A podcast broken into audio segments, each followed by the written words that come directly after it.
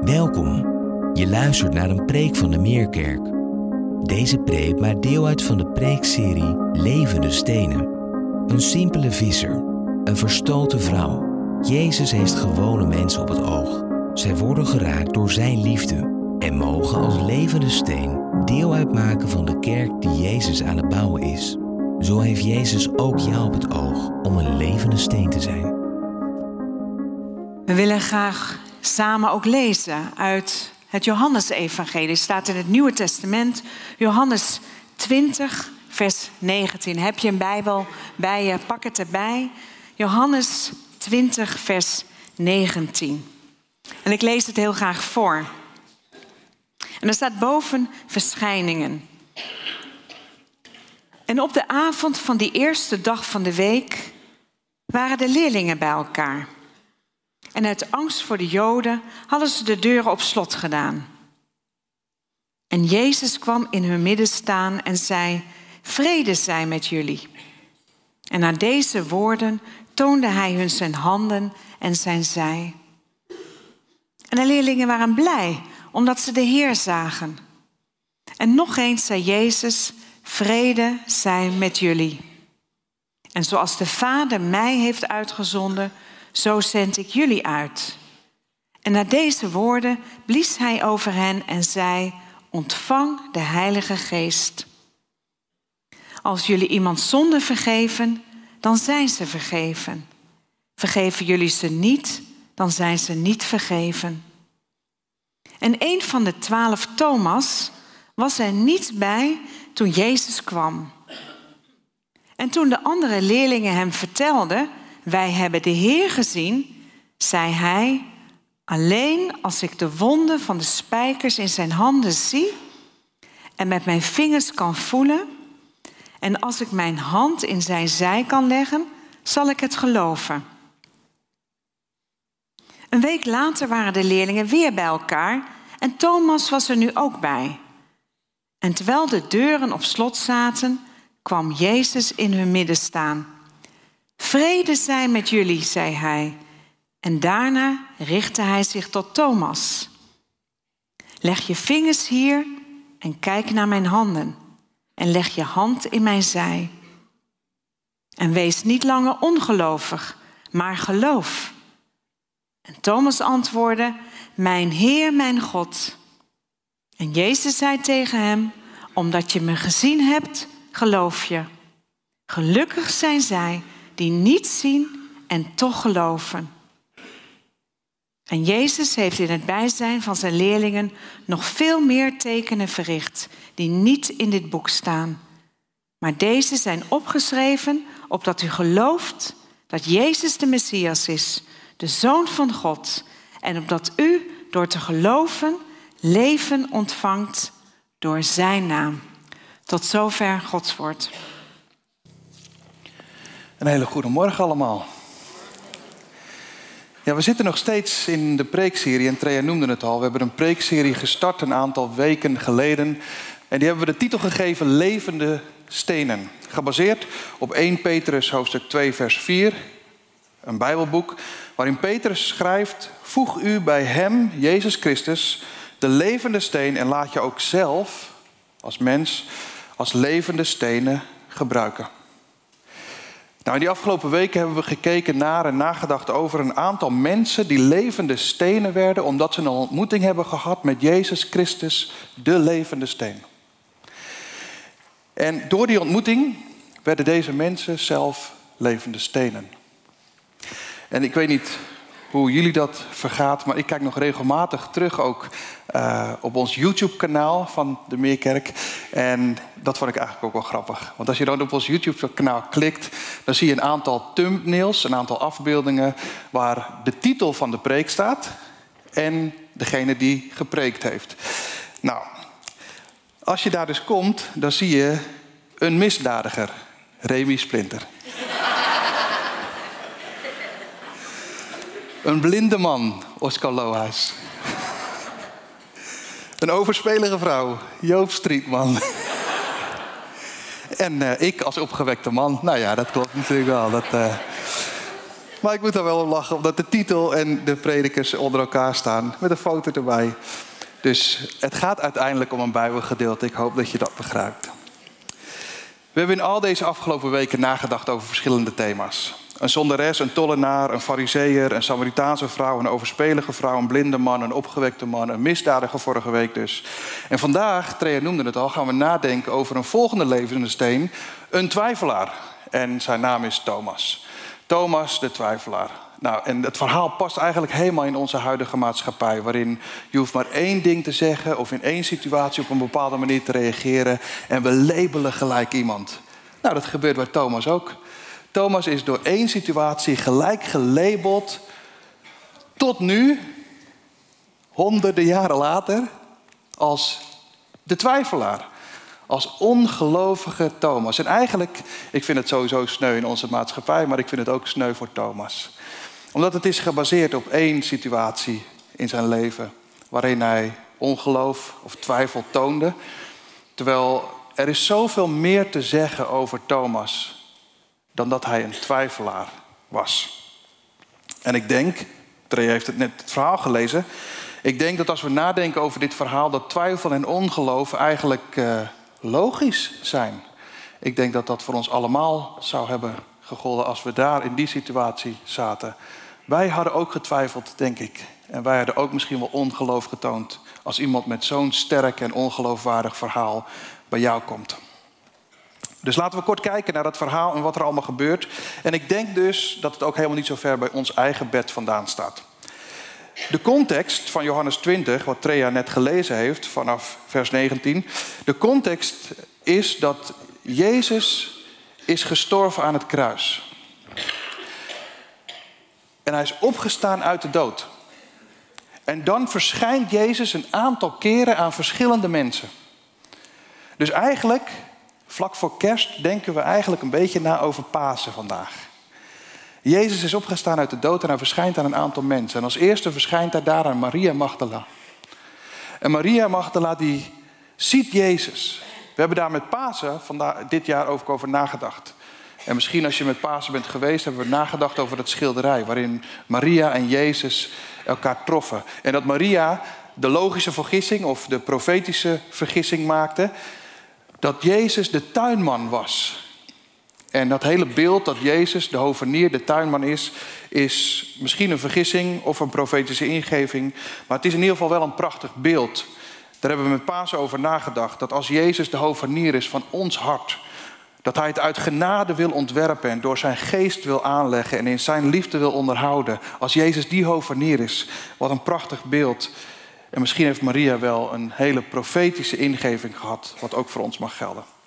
Maar goed, na deze ontmoeting gaat Maria gelijk naar de leerlingen, zo staat er.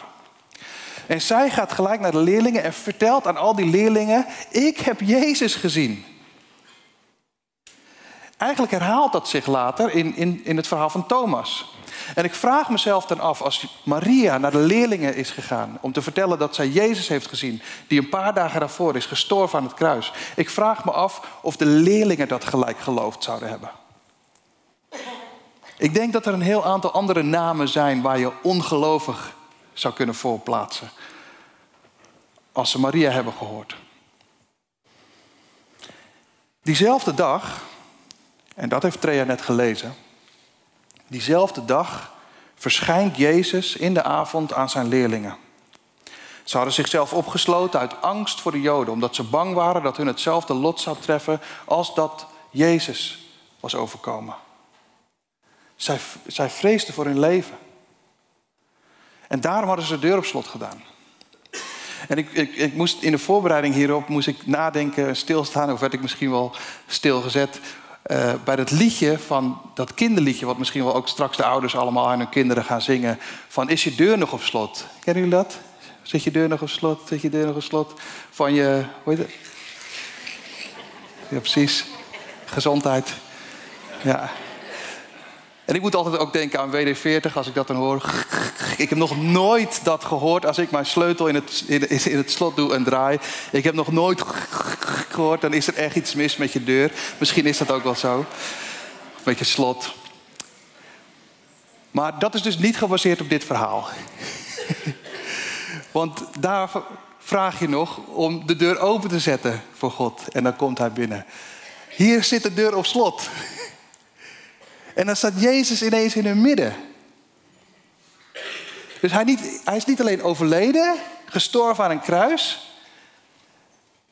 Hij is opgestaan en kan blijkbaar door deuren heen gaan. Gesloten deuren. Hij staat ineens in hun midden. Moet je dat jezelf voorstellen? Je hebt Jezus zien lijden en je hebt Jezus zien sterven aan het kruis. En die persoon die je hebt zien sterven aan een kruis, die persoon, die staat ineens in je woonkamer. Shalom aleichem, zegt hij.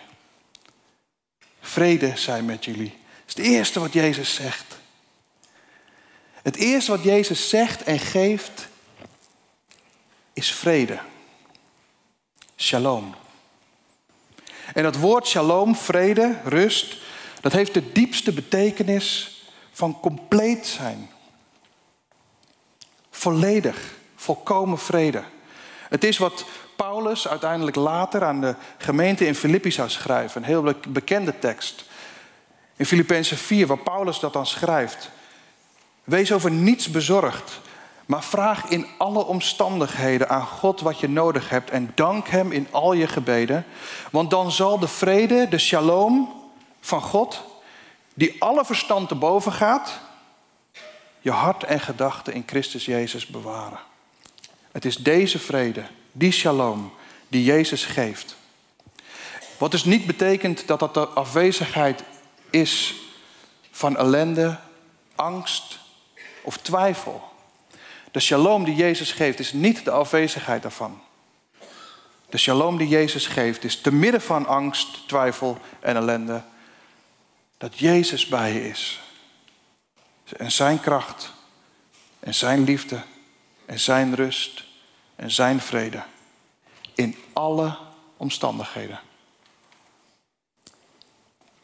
Dat maakt dat als we dit verhaal eigenlijk gelezen hebben, dat het natuurlijk niet alleen maar gaat over een twijfelende Thomas, maar het gaat ook over angstige leerlingen. Waar Jezus te midden van hun angst, tekortkomingen, twijfel en ongeloof, dat Jezus zegt, vrede zijn met jullie. Ik weet niet hoe jullie dat ervaren, maar ik vind het prachtig. Jezus die maakt nooit een afspraak van tevoren voordat hij op bezoek komt. Jezus maakt geen afspraak. Hij komt gewoon op bezoek. Dat was toen, maar dat is nu ook. Er is niets veranderd. Jezus maakt geen afspraak. Hij kan zomaar op bezoek komen. En dan doet Jezus de oproep aan zijn leerlingen, die eerste keer dat hij daar verschijnt. Ga op weg en getuig van mij. En hier, ontvang de Heilige Geest als voorproefje op Pinksteren. Ontvang de Heilige Geest, want je zal de Heilige Geest nodig hebben om van mij te getuigen. Dat is de eerste ontmoeting, daar met die leerlingen. Diezelfde avond als dat Maria die ontmoeting had met Jezus. Dit bizarre en ongelofelijke moment, daar is één iemand de grote afwezige. Thomas. Thomas is er niet bij. Dit gebeurt dus allemaal en Thomas is er niet bij. En je kan natuurlijk de vraag stellen waarom Thomas er niet bij is. Waar was Thomas? Maar de vraag die mij veel meer bezig heeft gehouden de afgelopen weken, dat is waarom kwam Jezus toen Thomas er niet bij was. Jezus had toch geweten dat Thomas er niet bij was? Waarom kwam Jezus toen Thomas er niet was? Zou het kunnen dat Jezus dat bewust deed? Zou het kunnen dat Jezus daarmee de schrijver en bedenker is van dit hele verhaal? En zou het daarmee kunnen dat het misschien wel een reden heeft dat Thomas een levende steen wordt omdat hij er de eerste keer niet bij was? Hoe dan ook. Thomas is er niet bij. Die leerlingen, logisch, zijn ontdaan en misschien wel heel erg enthousiast. Ze hebben Jezus gezien, gestorven en opgestaan. Hun vriend, hun rabbi. Hij leeft. Zij hebben Jezus gezien en ze proberen Thomas erbij te trekken. Thomas, jongen, je moet eens horen. Dat is niet normaal. Jezus, met wie we drie jaar hebben opgetrokken, die heeft geleden, is gestorven aan het kruis, maar hij is opgestaan uit de dood. Hij leeft. Hij was in ons midden, Thomas. Hij was in ons midden. En Thomas gelooft er helemaal niks van. En misschien wel terecht. Zouden wij het geloven? Ik denk dat het ook herkenbaar is. Ik denk dat het herkenbaar is wat die leerlingen hier aan het doen zijn. Geldt het niet voor velen van ons?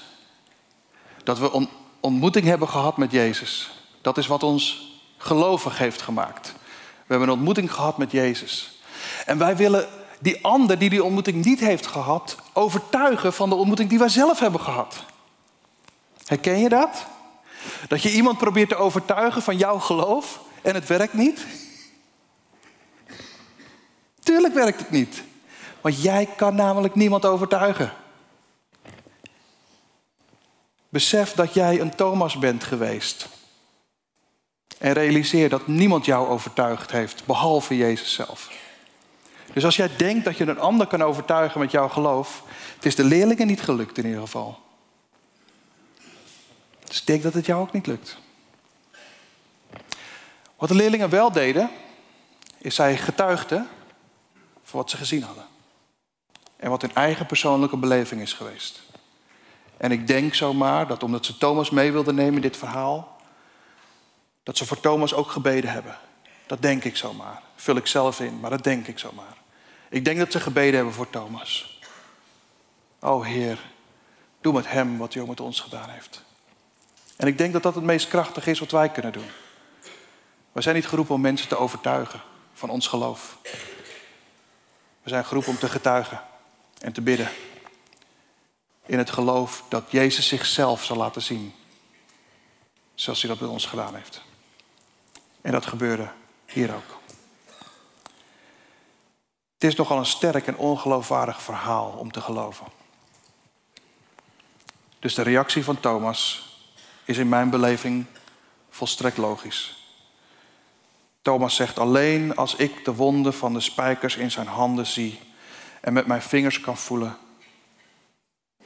En als ik mijn hand in zijn zij kan leggen, dan zal ik geloven. Ik denk een logische reactie. Hij wil bewijs. Met andere woorden, hij wil eerst zien en dan geloven. Dat klinkt misschien wel bekend. Eerst zien, dan geloven. En Thomas komt erachter dat het eigenlijk andersom werkt. Thomas komt erachter dat hij eerst moet geloven om uiteindelijk te kunnen zien. Een week later is het zover. Een week later, die leerlingen zitten weer in diezelfde setting, opgesloten in hun huis, deuren op slot, nog steeds angstig voor de Joden, alsof ze niks geleerd hebben van de eerste ontmoeting. En dan ineens verschijnt Jezus daar weer in hun midden. Vrede zijn met jullie, zegt Jezus weer. En nu is Thomas er wel bij. Thomas is erbij. En Jezus keert zich gelijk naar Thomas. En hij zegt: Thomas, kijk, zie, voel, ik ben het echt. De dood heeft mij niet vast kunnen houden. Ik leef. Wees dus niet langer ongelovig, maar geloof. En het is op dat moment dat de ogen van Thomas en misschien nog wel veel meer het hart van Thomas open gaat. En hij ziet wie Jezus echt is. En zijn reactie is misschien wel het grootste geloofsbeleidenis van het hele evangelie van Johannes. Zijn reactie is, mijn Heer en mijn God. De woorden die Jezus eerder heeft uitgesproken, die zijn werkelijkheid geworden in het leven van Thomas, in zijn hart en in zijn gedachten. Waar Jezus eerder heeft gezegd tegen zijn leerlingen, wie mij heeft gezien, heeft hem gezien die mij gezonden heeft. En dat ziet Thomas. Wat een geloofsbelijdenis. Wie mij heeft gezien, dat is de Heer van Thomas. Die heeft hem gezien, dat is de God van Thomas, die mij gezonden heeft. Jezus en God, ze zijn één. En dan sluit Jezus dat bezoek af met de woorden aan Thomas, maar ook aan ons. Omdat je mij hebt gezien, geloof je. Gelukkig zijn zij die niet zien en toch geloven. En ik vind dat eigenlijk wel heel mooi. Ik vind het prachtig om te realiseren dat God voldoende bewijs geeft om iemand die wil geloven te overtuigen. En tegelijkertijd geeft God voldoende vaagheid om iemand die niet wil geloven ook niet te dwingen. En dat vind ik mooi. In mijn beleving is dat echt ware liefde. Die dwingt zich niet af. Liefde is een keuze. Liefde is een wilsbesluit. En geloven daarmee dus ook. Wat een verhaal. Thomas de twijfelaar. Wat kan twijfel toch enorm waardevol zijn? Wat kan twijfel toch enorm waardevol zijn als dit is in een oprechte zoektocht naar de waarheid? Dat was in ieder geval wel in het geval van Thomas zo. Want twijfelen was niet zijn manier van leven. Twijfelen was zijn manier van reageren. Dat is een groot verschil. Twijfelen was niet zijn manier van leven, het was zijn manier van reageren. Sterker nog, het is zijn twijfel die hem uiteindelijk Jezus heeft doen zien en doen geloven. Twijfel bracht Jezus en Jezus gaf vrede. Het is zoals priester en filosoof Thomas Halik, ook een Thomas, dat zegt in zijn boek Raak de wonden aan. Thomas Halik die schrijft het prachtig. Hij zegt, de kracht van geloof zit niet in de onwrikbaarheid van je overtuiging, maar in de bekwaamheid om twijfels en onduidelijkheden te verdragen, waarbij je vasthoudt aan Gods trouw en hoop. Dat is een volzin. Zal ik het nog een keer herhalen? Thomas Halik die zegt, de kracht van geloof zit niet in de onwrikbaarheid van je overtuiging, maar in de bekwaamheid om twijfels en onduidelijkheden te verdragen, waarbij je vasthoudt aan Gods trouw en hoop. Geloof is dus niet het tegenovergestelde of de afwezigheid van twijfel. Geloof is de zekerheid dat alles waarop we hopen werkelijkheid zal worden. Geloof overtuigt ons van de waarheid die we niet zien. Ik moet denken aan een verhaal van een dierbare vriend van mij. Wat hij geworden is in al die jaren. En dat is ook een Thomas. Ik ontmoette Tom, Tom Thomas, ontmoette ik in 2017 aan de bar in een café hier in Hoofddorp. En we raakten met elkaar aan de praat. En in het gesprek zei hij dat hij rechercheur is. Hij heeft zijn eigen recherchebureau. En dat hij dus al zijn hele leven lang, al jaren, doet aan waarheidsvinding. Dat is zijn werk, waarheidsvinding. En toen we spraken over het geloof, toen zei hij, hij zegt, ik ben als die ene Thomas in de Bijbel. Ik ben die ongelovige Thomas. Ik geloof pas als ik het zie. Ik doe aan waarheidsvinding. Ik geloof niet op basis van jouw woorden, ik geloof pas als ik het zie. En toen vertelde ik hem daar in dat café het verhaal wat wij kennen van Thomas en wat voor vele mensen dus niet zo bekend is. Dat Jezus speciaal voor Thomas een week later terugkwam. Jezus kwam speciaal voor Thomas een week later terug. Liet hij zich weer zien. En toen zei ik tegen hem, ik zeg, weet je, omdat ik geloof dat Jezus leeft, geloof ik dat wat hij toen deed, dat hij dat vandaag de dag nog steeds doet. Jezus wil vandaag zichzelf nog steeds laten zien. En het raakte hem. En hij besloot, net als Thomas van het verhaal,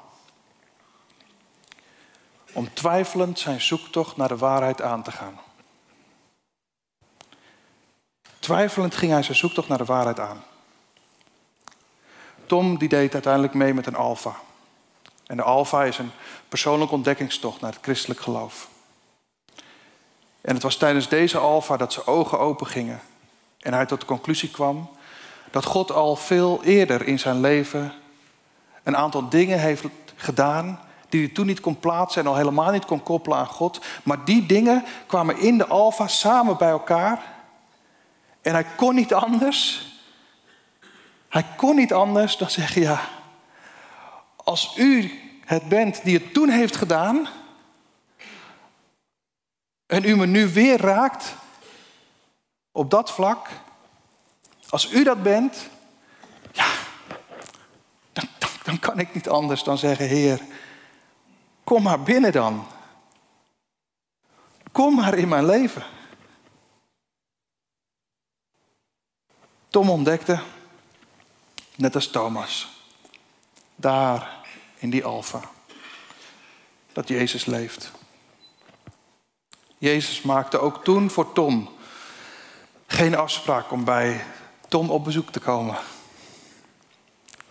Toms hart raakte vervuld met de vrede die Jezus ook daar gaf aan zijn leerlingen.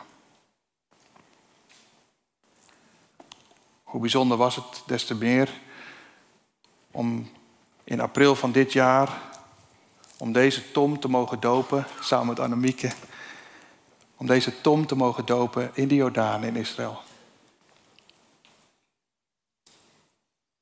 Zelfs als je doet aan waarheidsvinding, kan je geloven dat Jezus leeft. Als je twijfelend op zoek durft te gaan naar de waarheid. Zowel Thomas als Tom twijfelden in hun zoektocht naar de waarheid. En ze zijn tot de conclusie gekomen dat de waarheid geen mening is. De waarheid is geen mening. De waarheid is een persoon. En zijn naam is Jezus Christus. En hij leeft. Twijfelend en zoekend naar de waarheid. Liet de waarheid in de persoon van Jezus Christus zichzelf zien. Dus ik zou zeggen vandaag. Wees maar dankbaar als je twijfelt. Wees maar dankbaar als je twijfelt. Want als je twijfelt en je verlangt te zoeken, dan geloof ik dat je zal vinden. En misschien, misschien vindt hij jou wel. Want ik geloof dat Jezus de bedenker en de schrijver is van het verhaal van Thomas. Voor Thomas toen en voor ons nu. Want de laatste zin van het gedeelte wat Trea las. Daar staat de reden in waarom Jezus nog steeds doet wat hij toen deed. Omdat Jezus het allemaal te doen is om het volgende. Opdat je gelooft dat Jezus de Messias is. De Zoon van de levende God. En opdat je door te geloven leven ontvangt en vrede door zijn naam. Amen. Zullen we een moment nemen om te bidden?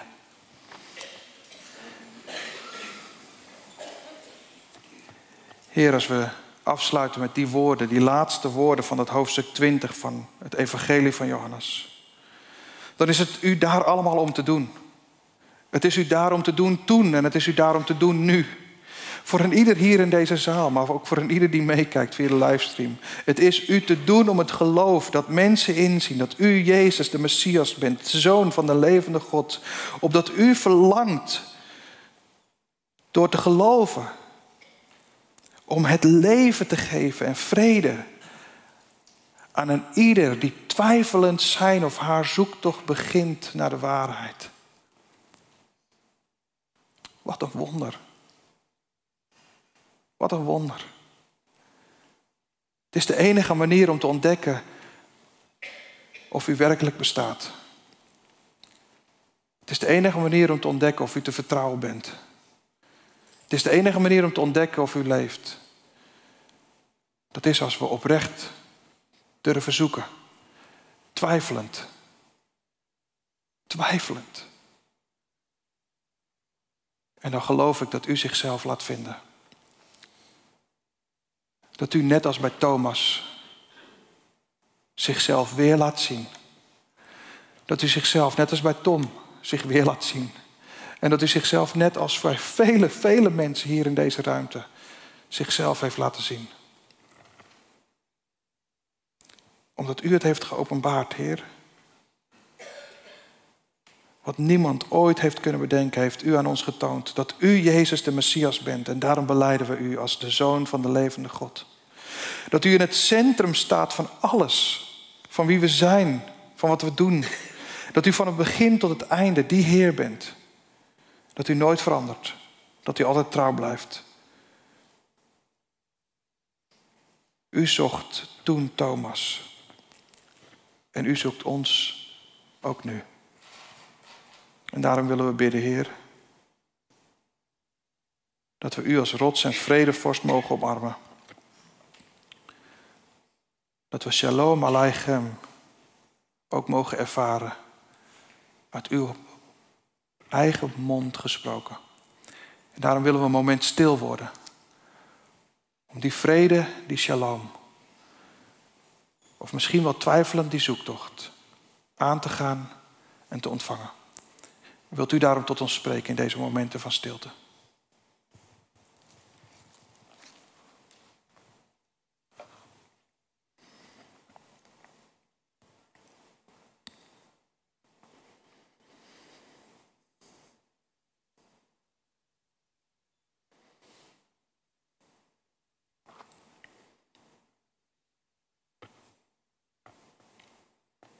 Dank u wel, Heer Jezus, dat u leeft. En om die reden alleen zien we verwachtingsvol uit. Amen.